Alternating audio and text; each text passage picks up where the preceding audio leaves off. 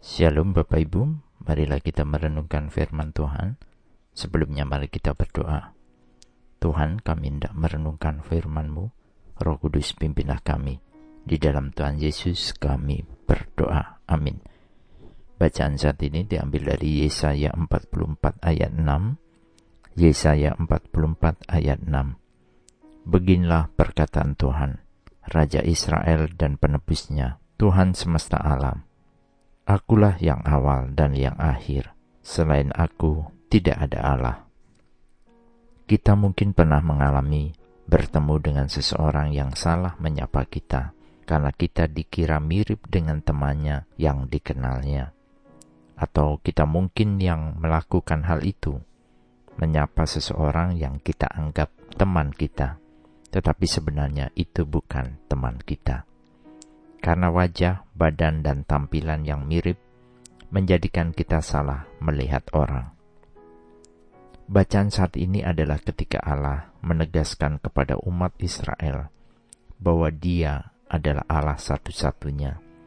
Tidak ada yang bisa diserupakan dengan Allah, dan tidak ada yang bisa mengambil peran Allah di dalam kehidupan manusia dan makhluk di semesta alam ini. Hal ini ditegaskan Allah di tengah kemurtatan dan kebodohan bangsa Israel yang membuat berhala dan menyembahnya. Yesaya 44 ayat 9 menuliskan, Orang-orang yang membentuk patung, semuanya adalah kesia-siaan, dan barang-barang kesayangan mereka itu tidaklah memberi faedah. Penyembah-penyembah patung itu tidaklah melihat dan tidaklah mengetahui apa-apa. Oleh karena itu, mereka akan mendapat malu. Sebagai orang percaya, janganlah kita sampai salah melihat dan menyapa Allah yang lain.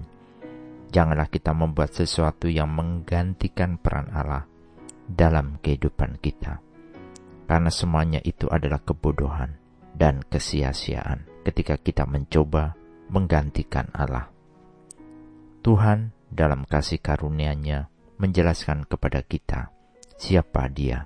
Pencipta alam semesta, penebus dunia, yang membentuk kita di dalam rahim ibu kita, satu-satunya Tuhan yang benar dan hidup, satu-satunya yang layak untuk kita puji dan sembah.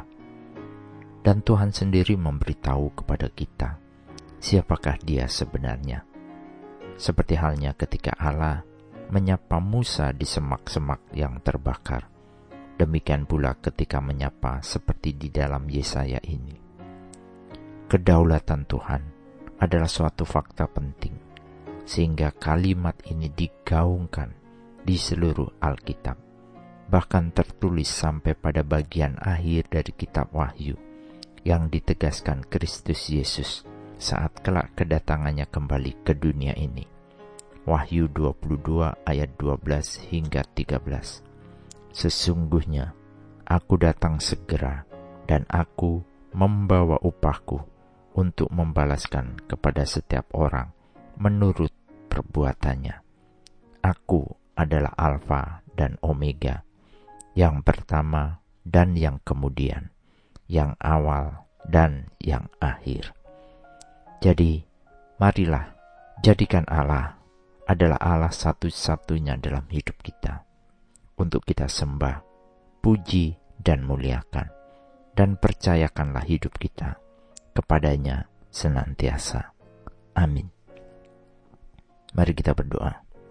Bapa Surgawi sungguh kami bersyukur atas kehidupan dan keselamatan yang Tuhan beri. Karya Tuhan bagi hidup kami itu nyata dan kami mau benar-benar menyembah dan memuliakan nama Tuhan. Tolong kami untuk menjaga iman percaya kami hanya kepadamu.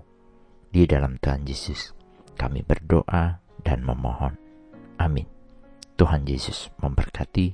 Shalom.